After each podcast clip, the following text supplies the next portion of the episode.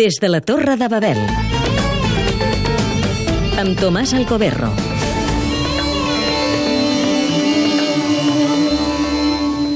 Saben el que és la cultura dels cònsols? L'historiador i sociòleg libanès, el meu admirat George Korn, que té alguns dels seus llibres traduïts al castellà i el català, ho ha explicat molt bé.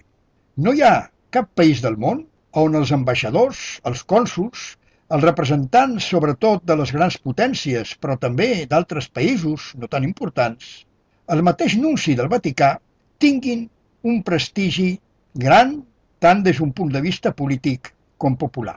No hi ha dia que alguns d'aquests caps de missions diplomàtiques donguin la seva opinió contra totes les normes de conducta diplomàtica, al davant de televisions, els diaris, els numerosos diaris de Beirut, sobre tot lo humà i, i tot lo diví de la bizantina política libanesa i fins i tot aconsellin als seus governants el que tenen que dir i fer.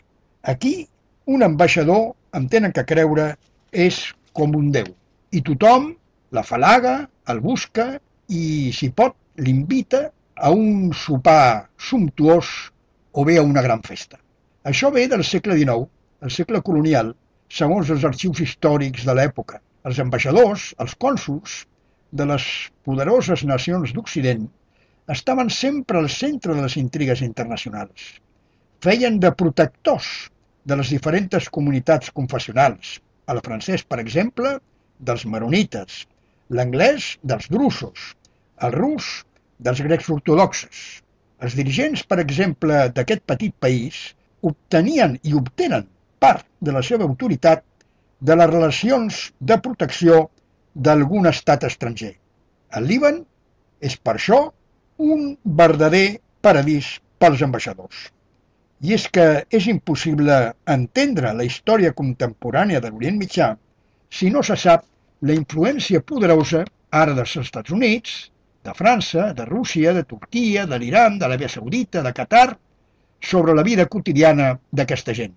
Moltes de les seves guerres, com la de Síria avui en dia, sols poden acabar amb acords i componentes internacionals.